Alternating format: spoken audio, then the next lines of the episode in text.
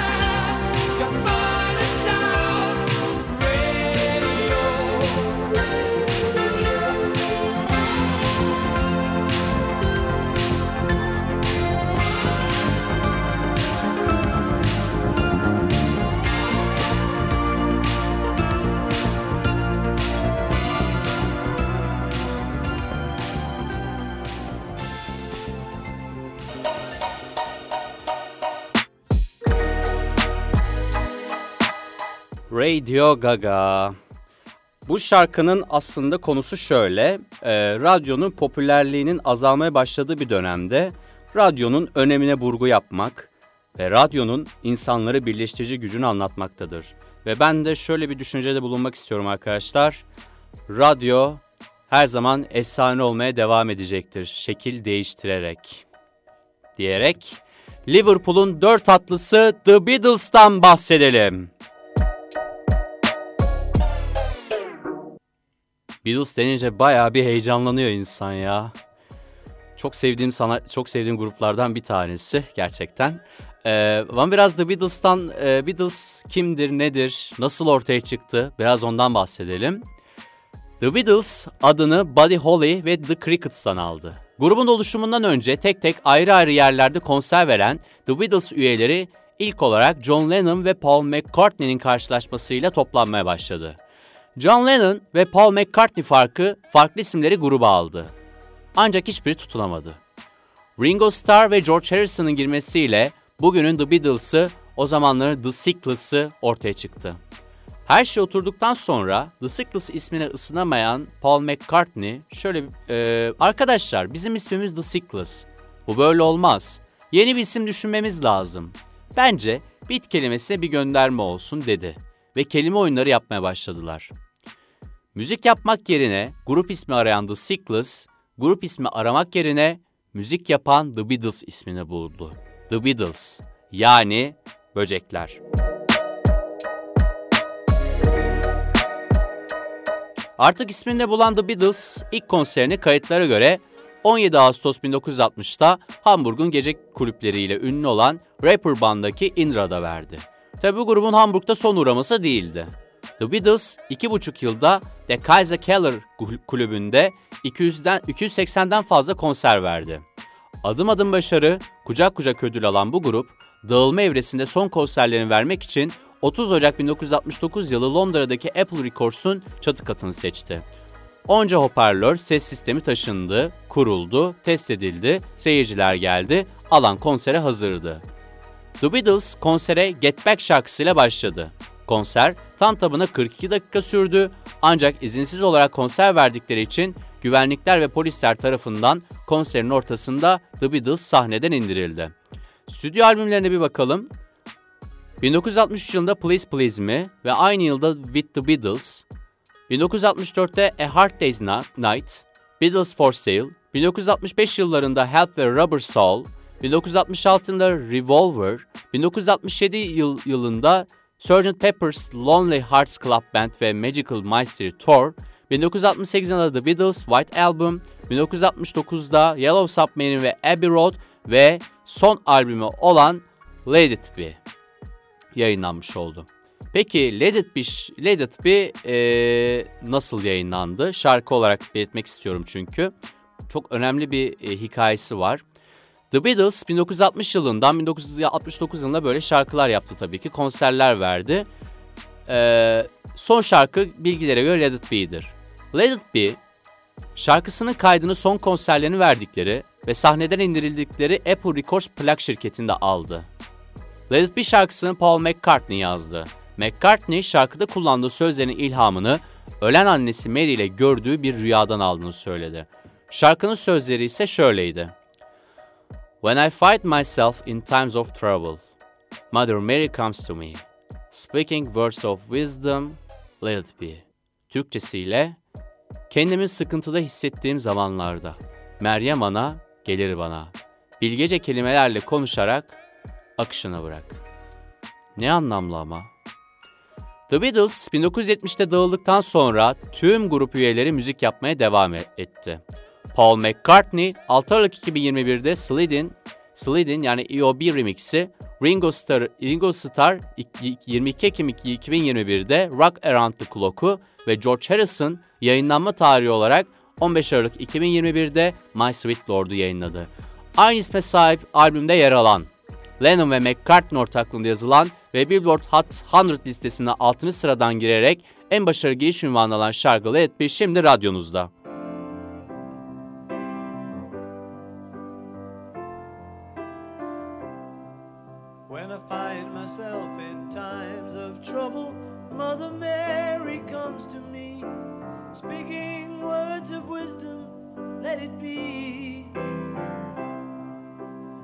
my hour of darkness, she is standing right in front of me, speaking words of wisdom. Let it be, let it be, let it be, let it be, let it be. Whisper words of wisdom, let it be. And when the broken-hearted people living in the world agree there will be an answer, let it be. For though they may be parted, there is still a chance that they will see. There will be an answer, let it be.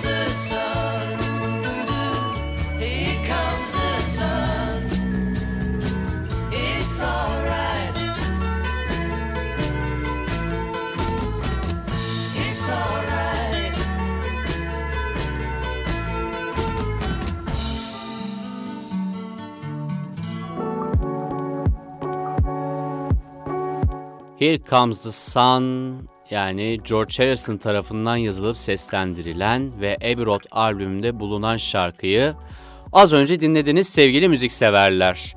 Ee, ayrıca bir belgeselden size bir belgeselden bahsetmek istiyorum bu arada. Peter Jackson, The Beatles'ın bir ay süren kayıt çalışmalarının yer aldığı 60 saatlik görüntüleri gerçek bir titizlikle tarayıp uzun süren bölümlere rağmen bizleri soluksuz izleten bir belgesel çıkarmış. The Beatles Get Back belgeselin ismi. 3 bölümlük bu mini diziyi dünya ünlü bir dijital platformda izleyebilirsiniz. Ayrıca bu arada mini olması sizi tabii ki e, yanıltabilir çünkü bölümlerin toplam süreleri yaklaşık 2 saat 50 dakika. Ben bu belgeseli izledim ve çok beğendim. İzlemenizi tavsiye ediyorum diyerek müzik yolculuğumuza Nirvana ile devam ediyoruz. Nirvana 1987'de Aberdeen, Washington'da kurulmuş Amerikan grunge müzik grubudur. Gitar ve vokalde Kurt Cobain, bas gitarda Chris Novoselic ve bateride Dave Grohl bulunmaktaydı. 1989 yılında çıkardığı ilk albüm Bleach ile sesini pek duyuramayan grup, 1991 yılında çıkardığı Nevermind albümüyle müzik dünyasında tam anlamıyla bir çığır açtı ve X kuşağının ana figürlerinden bir grup, bir grup haline geldi. Billboard 200 Number One albüm listesinde Michael Jackson'ın milyon dolarlık albümünü tahtından indirdi. Albümün ilk single'ı Smells Like Teen Spirit ilk çıktığı yıllarda dev bir hayranlık kitlesi oluşturdu ve kısa zamanlarda dünyanın en popüler şarkılarından biri haline geldi. Yarattığı etkiyle Amerika'da hair metal'in popülaritesini bitirmiştir. Dört dörtlük ritim kalıplarıyla, yalın fakat akılda yer tutan melodileriyle ve vurucu sözleriyle kendine özgün bir tarz oluşturan solist Kurt Cobain, aynı zamanda çalkantılı yaşamı ve uyuşturucu bağımlılığıyla da gündeme gelmiştir. 1993 yılında In Utero albümü çıkaran grup başarısını sürdürmüştür. 1994 yılında Kurt Cobain'in ölümüyle grup dağılmıştır. Nirvana 1990'ların başında Nevermind albümüyle alternatif rock tarzında yeni bir müzik çağı başlatmıştır. 2009 verilerine göre dünya çapında 75 milyondan fazla albüm satışı elde etmiştir. Rolling Stone dergisi grubu tüm zamanların en iyi 100 grup listesine ekledi. 2014'te dünya çapında önemli yer edinmiş rock metal türündeki sanatçı ve grupların dahil olduğu Rock and Roll Hall of Fame kulübüne dahil edildiler. Nirvana her ne kadar 3 ana üyesiyle meşhur olsa da Kurt Cobain'in intiharından kısa süre önce grubun çektirdiği bir stüdyo fotoğrafında 5 üye olarak görülmektedir. Pat Smear, ikinci gitarist olarak gruba 1993'te katılım yaptı. Cellist Story Golston da Pat Smear gibi 1993'te gruba katılmıştır. Ve bu ikili 1993-94 yılları arasında NTV Unplugged performansı dahil olmak üzere grubun dağılmadan önceki son 70 konserine katkı sağlamıştır. 1989'da Bleach, 1991'de Nevermind ve 1993'te In Utero olmak üzere stüdyo albümler, 1994 yılında NTV Unplugged in New York, 96'da From the Muddy Banks of the Wishkak ve 2009'da Life at Reading olmak üzere konser albümler, 92'de Incest, e, Incesti, e, Incestical, ee, tam okuyamadım kusura bakmayın bu arada. 2002'de Nirvana, 2004'te With the Lights Out, 2005'te Silver The Best of the Box ve 2010'da Icon olmak üzere toplamalar, 89'da Blue ve 92'de Harmoning olmak üzere EP'ler ve diğer yandan 11 tane single çıkarmıştır bu grup. 1991 yılındaki albümlerin Nevermind'in 3. şarkısı ve ikinci teklisi olan Come As You Are'la Nirvana şimdi Müzik Ekspresi'nde.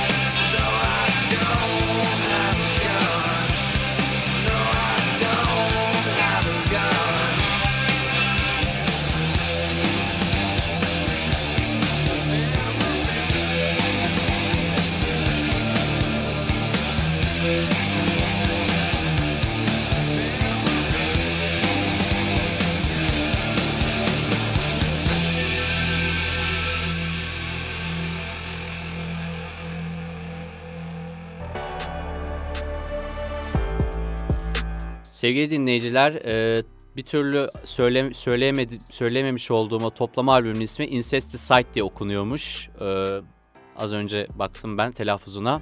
Incesticide ilk 1992'de e, yayınlamış oldukları bir toplama albüm. ilk toplama albüm olarak geçiyor aynı zamanda. E, bunun da bahsetmiş oldum. Ve şimdi ACDC ile devam ediyoruz. ACDC, Malcolm ve Angus Young kardeşler tarafından 1973'te Sydney'de kurulmuş Avustralyalı bir hard rock grubudur. Grup ilk resmi haliyle 1976'da High Voltage adlı albümlerini yayınladı. Grubun en ünlü şarkılarından TNT'yi de içeren albüm gruba kısa zamanda ün kazandırdı. Çok geçmeden aynı yıl Dirty Deeds Done Dirt Cheap'i yayınlayan ACDC bir yandan da konserlerle büyük bir başarı elde etmekteydi.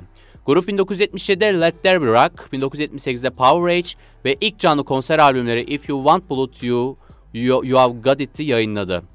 79'da yayınlanan Highway to Hell adlı albümüyle birlikte kısa sürede efsaneleşen grup büyük bir ün ve başarı içerisindeydi. Ancak 1980'in Kasım ayında grubun solisti Bon Scott aşırı alkol alması sonucu hayata veda etti ve yerine grubun en uzun süreli solisti Brian Johnson geldi. Grup Bon Scott'ın ölümünden sonra dağılmayı düşünmüşse de Brian Johnson gibi kaliteli ve kaliteli bir solistle birlikte bir albüm daha yapmaya karar verdi. 1980'de grubun en çok satan albümü aynı zamanda Michael Jackson Thriller albümünden sonra dünyada en çok satan ikinci albümü olan Back in Black'i yayınladı. Hell Cells, Back in Black, You Shook Me All Night Long ve What Do You Do For Money Honey gibi grubun en başarılı şarkılarından bazılarını içeren albüm inanılmaz bir başarı elde eder ve grup devam etme kararını sürdürür. 1981'de Brian Johnson'la ikinci albümleri For Those About to Rocker yayınlayan albüm başarılı dönemlerin son kısımlarındadır.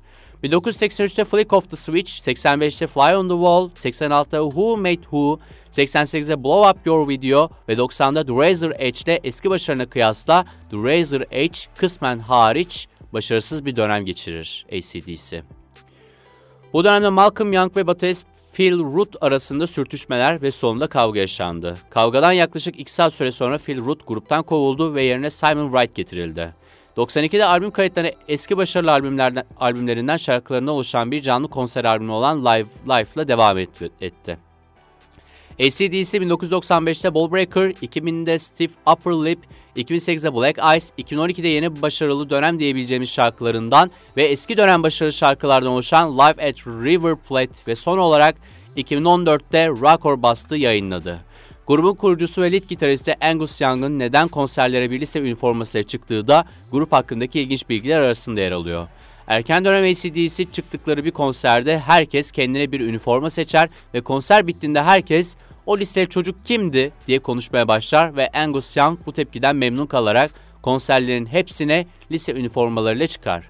2014'te yeni turne duyurusunun ardından provalara başlayan ACDC'nin kurucu üyesiyle ritim gitaristi Malcolm Young'ın eskisi gibi çalamadığı grup üyeleri tarafından fark edilir ve bir doktor kontrolünün ardından efsanevi gitaristin demans hastalığına yakalandığı ortaya çıkar. Bu teşhisten sonra gruptan ayrılan Malcolm Young'ın yerine yeğeni Steve Young getirilir. Malcolm Young 2017'de hayata veda eder. 2016'da ise Rock or Bust turnesi esnasında duyma problemleri yaşayan Brian Johnson gruptan ayrılır ve yerine Guns N' Roses'ın solisti Axl Rose getirilir. Ancak 2018'de çıkan Brian Johnson ve Phil Rudd'un geri döndüğüne dair dedikoduların ardından 2019'da da gruba geri döndüklerini kabul ederler. Radyolarınızın sesini biraz daha açın çünkü ACDC'nin efsanevi parçalarından Highway to Hell şimdi radyonuzda. Try